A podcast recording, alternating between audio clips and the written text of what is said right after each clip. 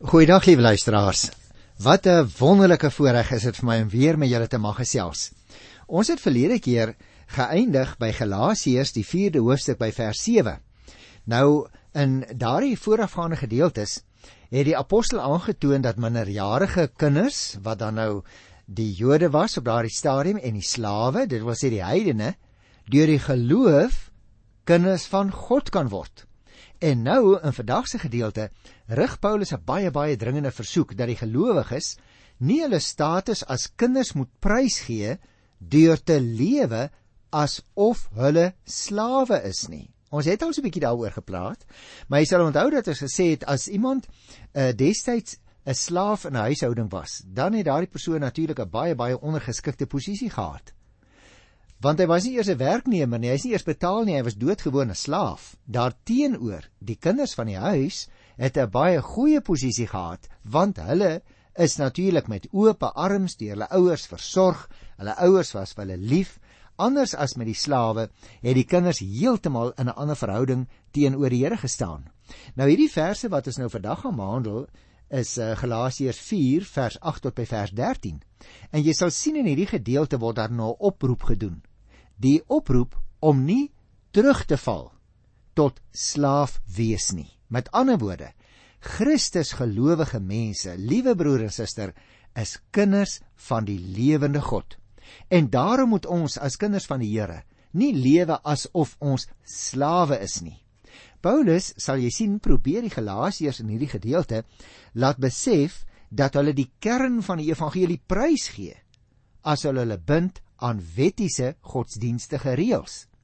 En daarmee natuurlik hulle status as kinders van God minag en weer slawe van afgode word slawe van reëls. Mense wat met swaar dragtige wigte vanweë die godsdienstige reëls wat die godsdienstige leiers op hulle lê probeer lewe en voortsukkel hulle. Struikel as dit ware deur die modder. En luisteraar Ons moet nie sommer net hierdie goed van die tafel afvee nie, hoor. Dis verskriklik belangrik want dit is vandag dikwels nog so dat ons as Christus gelowige mense graag verander gelowiges laste oplê. Ons maak allerlei reëls. Miskien moet ek eers die gedeelte lees en nog 'n bietjie daaroor gesels, dan dan kan ons miskien die verband baie duideliker sien. Dis Galasiërs hier by hoofstuk 4 vers 8 tot 13. Ek gaan dit nou eers lees sonder dat ek onderbreek voordat ons daaroor gesels. Daar was 'n tyd toe julle nie vir God geken het nie en slawe was van niks werd afgode. Maar nou dat julle hom ken, of liewer nou dat hy julle ken, hoe val julle dan nou weer terug na daardie minderwaardige en armsalige wettiese godsdienstige reëls? Wil julle van voor af weer slawe daarvan wees? Julle hou aan om besondere dae en maande, feesgeleenthede en jare te vier ek vrees my harde werk aan julle was dalk te vergeefs. Ek smeek julle broers, word soos ek. Soos ek my ook met julle vereensgewig het. Julle het my nooit sleg behandel nie. Julle onthou mos hoe dit gekom het dat ek die eerste keer die evangelie aan julle verkondig het. Dit was deurdat ek siek geword het. Nou ek lees net ou daar luisteraar want dit is die gedeelte wat ek graag vandag met jou wil behandel. Hierdie man sê dat selfs die tyd toe hy siek geword het, het hy met hulle gepraat. Nou, jy moet oplet in hierdie gedeelte en lees dit gerus weer op jou eie tyd, dan sal jy sien Paulus probeer in hierdie verse die Galasiërs tot die besef bring dat hulle die kern van die evangelie sal prysgee as hulle hulle bind aan wettiese godsdienstige reëls en daarmee natuurlik hulle status as kinders van God in 'n sekere sin selfs verloor en weer slawe van afgode word. Paulus beroep hom dus nou op sy verhouding met die Galasiërs. Met ander woorde, hy sê, kom ek gesels 'n bietjie soos iemand wat vir julle lief is. Hy praat dus nie uit die hoogte nie, want hy het 'n baie spesifieke en 'n besondere verhouding met hierdie mense. Paulus het naamlik tot dusver baie harde woorde gebruik en hy hy's waarskynlik so 'n bietjie skrikkerig dat hy nou 'n risiko loop om die Galasiërs van hom te mag vervreem. Daarom herinner hy hulle ook aan hoe hulle hom op die hande gedra het tydens sy eerste besoek by hulle. Paulus is naamlik verbaas dat hulle nou skielik hulle rug op hom wil draai. So lyk dit in elk geval vir hom uit die berigte wat hy kry. Hy verseker hulle nou ook van sy goeie gesindheid teenoor hulle en natuurlik sy besorgdheid oor hulle. En hy is so intiem by hulle betrokke luisteraars, sê hy soos 'n ma by haar ongebore baba wanneer sy in kraam is. As jy die gedeelte gaan ek nie verder lees nie. Lees en sal jy sien dit is ook die beeld wat hy so 'n bietjie verder aan gaan gebruik. Nou 'n mamma hou natuurlik maar uit luisteraar, want sy weet dat sy spoedig haar baba in haar hande gaan vashou en teen haar bors gaan druk en dan die volle vreugde van God se gawe aan haar sal ervaar. So dit is dus die atmosfeer waar binne Paulus met hierdie mense praat. Hy wil hulle glad nie veroordeel nie. Hy wil hulle nie klap gee nie. Hy wil hulle nie teregwys nie. Op hierdie punt in sy brief herinner hy hulle aan die besondere verhouding wat hy met hulle het en dat hy vir hulle baie baie lief is. Nou goed, kom ons doen nou soos elke ander keer en ons vat die paar versies so stukkie vir stukkie en ons herkou hulle so bietjie, dan kan ons baie goed die smaak kry van wat die apostel hier bedoel. Kom ons lees vers 8 weer. Daar was 'n tyd toe julle nie vir God geken het nie en slawe was van niks werd afgode. Let dus op, is baie interessant liewe luisteraar. Die apostel keer nou terug tot die saak wat die aanleiding van sy brief was en dit waaroor hy die Galasiërs sterk aangespreek het ook van tevore. Naamlik hulle terugkeer tot die wettisisme. Jy sien in die verlede was die Galasiërs werklik slawe want hulle het vir God nie geken nie. Hulle was dus slawe van die sonde wat die heidene in hulle onbekeerde toestand van God geweet het en jy kan maar gaan kyk ons het dit gedoen ook daar toe ons Romeine behandel het Romeine 1 die 19de versie tot by vers 21 kry dieselfde gedagte. Wat die Romeine in hulle onbekeerde toestand van God geweet het was nie die ware kennis van die Here nie. Die kennis liewe luisteraar is natuurlik alleen moontlik deur die geloof in Jesus Christus. En is juis vanweë hierdie gebrek aan ware kennis dat 'n lewe van slaafse vrees ontstaan het ook by baie Christene en 'n aanbidding wat niks werd was nie want dit is niks werd gode wat hierdie mense van tevore gedien het. Die apostel noem dit wel gode want so het hulle bekend gestaan maar met niks werd voeg hy dadelik daarby dat hulle nie werklik gode was nie want jy sien die Bybel erken eintlik nie eens die bestaan van ander gode nie. Wat die Bybel betref is enige ander afgod 'n nie god. Met ander woorde daar word geen status aan ander gode gegee in die woord van die Here nie. Die slawe toestand wat nou hier blyk uit vers 8 en waarin die Galasiërs hulle van tevore bevind het, was nie maar net geestelike onvolwassenheid in die algemeen nie hoor ons moet dit nie so ligtelik afmaak nie in hulle geval het dit 'n besondere vorm aangeneem naamlik dit was 'n onderworpenheid aan heidense nie gode nou die vraag is nou natuurlik of Paulus hierby die Grieks-Romeinse afgode van die dag in gedagte gehad het of moontlik was dit afgode uit hulle vroeëre Europese geskiedenis en ek wil dadelik sê dis dis nie vir ons heeltemal duidelik nie. In elk geval kan hierdie afgode volgens Paulus nie werklik as gode beskou word nie. Dit was dan ook net moontlik om hulle te dien in 'n tyd toe die Galasiërs nog nie die ware God geken het nie. Nou hierdie gedagte is natuurlik baie dieselfde wat 'n mens ook kry in Handelinge 17. Ek het nou nou verwys na 'n voorbeeld in Romeine, maar mens kry ook 'n goeie voorbeeld in Handelinge 17 van vers 21 tot vers 31. Ek wil dit nou nie weer behandel nie, want ons het dit natuurlik behandel toe ons die boek Handelinge deurgegaan het. Dit was die situasie sal jy onthou wat daar ontwikkel het by die Areopagus in Korinte. Nou ten spyte van die mense se godsdienstigheid daar, ken die Grieke natuurlik nie die ware God wat die hemel en die aarde gemaak het nie. God het nie, luisteraar, soos die afgode behoefte aan enige vorm van menslike versorging nie. En dit is natuurlik ook omdat die afgode in geen enkele opsig met God vergelykbaar is nie. Daarom dat Paulus in hierdie vers praat van niks werd afgode. Kom ons kyk weer na vers 9, die volgende versie. Maar nou dat julle God leer ken het, of liewer nou dat hy julle ken, hoe val julle dan nou weer terug na daardie minderwaardige en armsalige wettiese godsdienstige reëls? Wil julle van voor af weer slawe daarvan wees? Nou, dis 'n baie belangrike vraag of twee wat die apostel hier vra luisteraar. Want dikwels is dit ook ongelukkig so van Christusgelowiges waar dat ons godsdienstige reëls wil nakom. Slawe is van daardie reëls wat ons moet aantrek, wat ons moet sing, hoe ons moet praat, hoe ons moet optree en dit word 'n hele klomp godsdienstigheid. en dis 'n baie gevaarlike ding luisteraar, godsdienstigheid is dikwels iets waarmee ons ons besig hou wat glad nie met diens aan God te maak het nie. In hoe mate sou jy sê, is jy dalk ook gebonde deur sulke godsdienstigheid en al daardie godsdienstige reëls? Jy sien die apostel is in vers 9 besig om vir hulle te sê daar bestaan eintlik geen regverdiging vir hulle terugval na daardie minderwaardige en wat hy noem armsalige wettiese godsdienstige reëls nie. Hy het in vers 4 ook al daarna verwys. Ons moet onthou die Galasiërs het die Here leer ken, sê Paulus. Hulle het hom leer ken soos hy hom in Jesus Christus aan mense bekend gemaak het. Die belangrikste is natuurlik dat ons deur God geken is. As dit ware sê Paulus in Romeine 8 vers 29 deur God verkies is.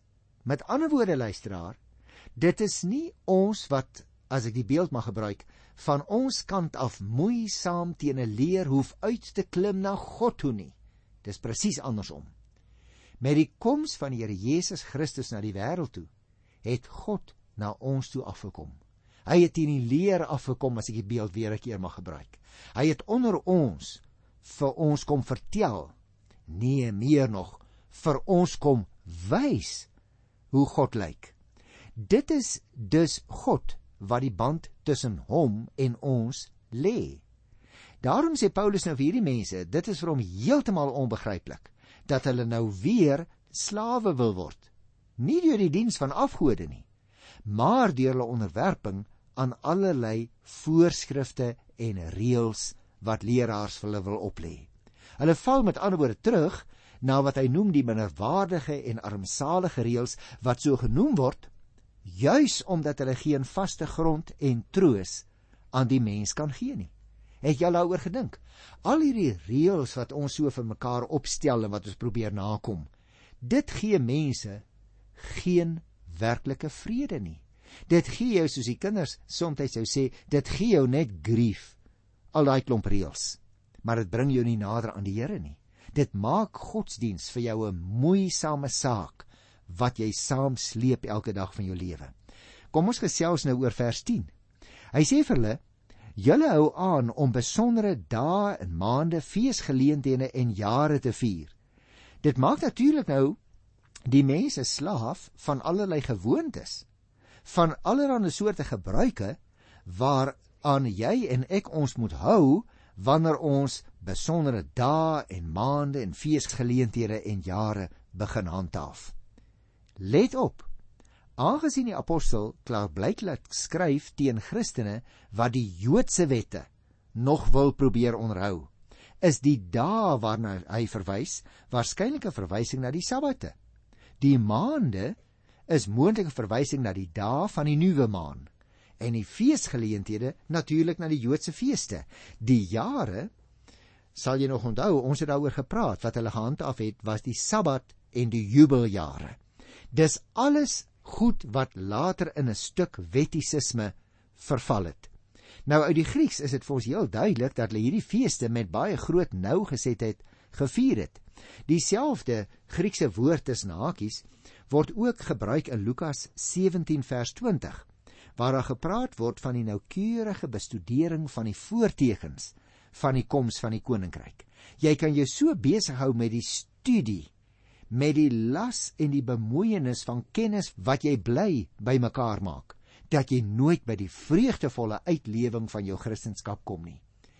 Die vraag is nou wat presies sou hy bedoel met hierdie minderwaardige en armsalige wettiese godsdienstige reëls wat hy ook al in vers 9 genoem het nou nou.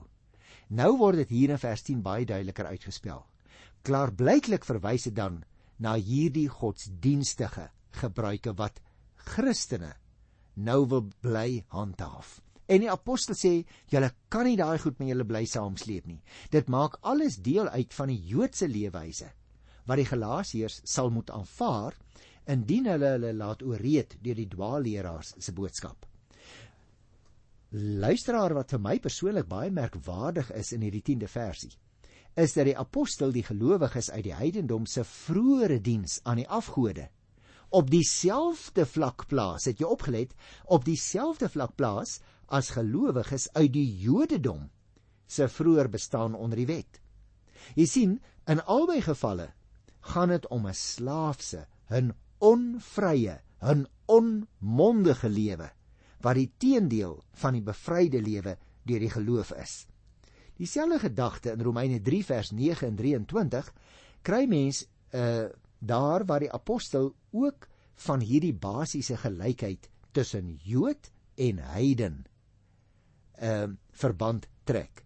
Hy sê ons mag nie of jy dit nou uit ander heidense godsdienste haal en of jy dit uit ou Joodse gebruike haal.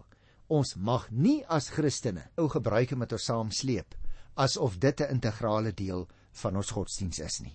Dit bring my by vers 11 en my haas want ek wil graag nog 'n paar uh, van die goedjies in die uh, volgende 3 versies uitlig. Vers 11 sê ek vrees my harde werk aan julle was dalk te vergeefs. Jy sien luisteraar, as hulle daai dinge sou doen, sê die apostel, dan was sy harde werk aan hulle te vergeefs. Dit gaan is hier om 'n baie eenvoudige basiese beginsel as ek dit reg verstaan. Dit gaan nie om die nakoming van godsdienstige gebruike nie. Maar waaroor gaan dit dan? Dit gaan om die basis van die vryspraak deur God. Dit gaan dus, liewe luisteraar, om wette en reëls wat tot niks lei nie teenoor die evangelie van die vrye genade. Hulle moes kies tussen die twee Anders was Paulus se werk aan hulle te vergeefs. En daarom wil ek ook vir jou vra. En dit vra natuurlik hierdie selfde vraag aan my, liewe luisteraar.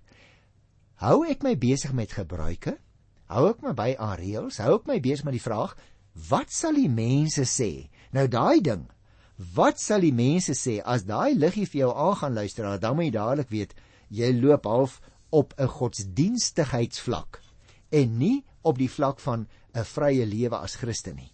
Ons moet oppas dat ons ter wille van mense 'n klomp goed doen om die Here te behaag en volgens die apostel werk dit net eenvoudig nie so nie. Want hy sê indien die Galasiërs hulle tog deur Paulus se teenstanders laat oortuig, dan was sy werk aan hulle te vergeefs. Kom ek sê dit anders. Anders as wat die dwaalleraars graag wil voorgee, is daar dus nie 'n kompromis tussen die wet en die geloof moontlik nie. Soos Paulus ook in die voorafgaande hoofstuk uitvoerig aangetoon het, verteenwoordig hierdie begrippe twee teenoorgestelde pole, twee onverzoenbare lewensbeskouings en ook lewenswyses. Die erns van die keuse waarvoor jy en ek as gelowige staan, liewe luisteraar, word juis in die volgende gedeelte nog 'n keer onderstreep. Luister by vers 12. Ek smeek julle broers, word soos ek. Soos ek my ook met julle vereenselwig het. Julle het my nooit sleg behandel nie. Hy sê in hierdie gedeelte van die brief, uh slaan hy 'n baie persoonlike karakter aan. Hy noem die gemeente let op broers. Paulus is met ander woorde, liewe luisteraar, nie net besig om hulle te berisp nie. Dis verre daarvandaan. Hy doen ook juis 'n beroep op die ou band wat daar tussen hom en hulle lê. Daarom pleit hy met gevoel. Hy sê ek pleit by julle dat hulle sal word soos hy is, sê Paulus. Nou natuurlik moet ons onthou, toe hy die eerste keer by hulle gekom het, het hy wat 'n Jood is, hom vereenselwig met hulle. Hy het nie tussen hulle wat toe nog heidene was, sy Joodse wette en gebruike onderhou nie. En soos hulle hom toe ook nooit sleg behandel het nie, moet hulle nou asseblief tog ook na my luister pleit die apostel by hulle. Julle moenie die Joodse wette, die gebruike en die reëls wat julle nou by ander Jode gesien het probeer onderhou nie. Van sy kant af het Paulus niks gedoen om die goeie verhouding te versteur nie. En daarom is hulle huidige veranderde houding so verpynliker en onverklaarbaarder vir die apostel. Hy verstaan dit eintlik nie, sê hy, dat hulle nou weer die gebruike van die Jode wil oorneem nie. Hulle is nou net vry van die gebruike van die heidene. Dit is is baie interessant dat hier in die 12de versie mense oplet na die manier waarop Christus hom sonder enige voorbehoud met mense vereenselwig. En dit is daardie selfde houding waarmee die apostel hulle gekom het. Hy het nie met 'n voorbehoud gekom nie. Hy het eerlik en opreg vir hulle kom sê van die vryheid wat daar in Christus te vind is. Want ons moet onthou, liewe luisteraar, die arme mense wat dan uit of die heidendom of uit die Jodendom gekom het, het swaar gebuk gegaan onder al die godsdienstige reëls. Paulus was bereid om met almal te assosieer en die evangelie aan elkeen te verkondig wat gewillig was om te luister. Dis juis in hierdie vereenselwiging met die heidene wat Paulus 'n lewende voorbeeld was van iemand wat hom losgemaak het van die beperkende bestaan onder die wet. Mag ek vir jou vra luisteraar, is dit nie tyd dat jy van sekere ou wettisisme, met ander woorde sekere gebruike, sekere gedragspatrone wat jy met moeite handhaaf, loskom en 'n slaggie in vryheid as iemand wat deur Christus vrygemaak is, begin lewe nie, as 'n vrye mondige erfgenaam van die beloftes van God, kan jy en ek ook teenoor alle mense so lewe. En daarom wil ek afsluit met die 13de versie hier in Galasiërs by die 4de hoofstuk. Julle onthou mos hoe dit gekom het dat ek die eerste keer die evangelie aan julle verkondig het. Dit was deurdat ek siek geword het.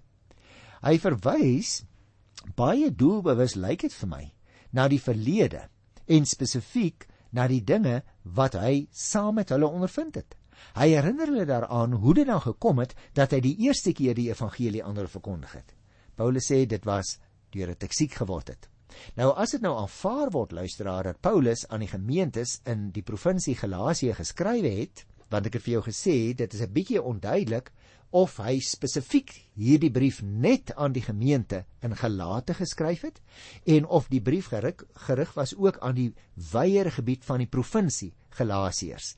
Dan kan 'n mens natuurlik dink aan die swakheid wat Paulus ondervind het as gevolg van wat hy gelei het deur die aanvalle van sy vyande toe hy die evangelie daar verkondig het. Jy kan gerus as jy weer na daai moeilike tyd in Paulus se lewe wil uh, kyk, gaan lees in Handelinge 14 van vers 19 af en tussen hakies hy verwys ook daarna in 2 Timoteus 3 by die 11de versie. Samevattendes. Hierdie vers 13 verwys die apostel spesifiek na die omstandighede van die eerste ontmoeting. Juis omdat dit so bekend was aan die gemeente, gee hy geen verdere besonderhede nie. Jammer eintlik, né, dat hy dit nie op hierdie punt ook doen nie. Al wat die apostel sê, is dat hy siek was. Letterlik interessant staan daar in die oorspronklike Griekse taal dat dit vanweë 'n swakheid van die vlees was. So ons weet nie presies nie uh wat hy mekeer het nie. En dit was die rede wat hy na hulle gekom het. Nou hierdie uitdrukking het dan aanleiding daartoe gegee tot allerlei bespiegelinge oor die aard van Paulus se siekte. Daar's 'n hele klomp oplossings aangebied van sowel psigiese as fisiese aard, byvoorbeeld epilepsie, of 'n gebrek aan selfvertroue of die gevolge van vervolging of ooggebreke en al daai soort goed, maar ek wil nou nie daaroor met jou spekuleer nie want ek het al vir jou gesê ons bly by die vasheid van die woord en ons wil ons nie besig hou met allerlei soort van spekulasies nie. Die punt is solank ons nie oor meer gegevens beskik nie luisteraars, sal dinge altyd maar by bespiegelinge bly. En daarom wil ek my nie daarmee besig hou nie. Gewoonlik word redelik algemeen aanvaar dat die uitdrukking in 'n letterlike sin verstaan moet word en op 'n werklike fisieke siekte toestand kan dui. Wat dit was, weet ons nie presies nie. Dit gaan vir Paulus egter nie oor die aard van die siekte nie, maar om die feit dat hierdie ongesteldheid die geleentheid geskep het vir hom om die evangelie aan die Galasiërs te verkondig. 'n Laaste vragie bly oor. Ek ken nie jou omstandighede nie, liewe luisteraar, dalk is daar iemand op 'n siekbed. Dalk is dit juis die omstandighede waarin jy steeds 'n klink helder getuienis vir wie Jesus Christus vir jou persoonlik is mag laat klink teenoor almal wat jou besoek. Ek groet jou in sy wonderlike naam. Tot volgende keer. Tot dan. Totsiens.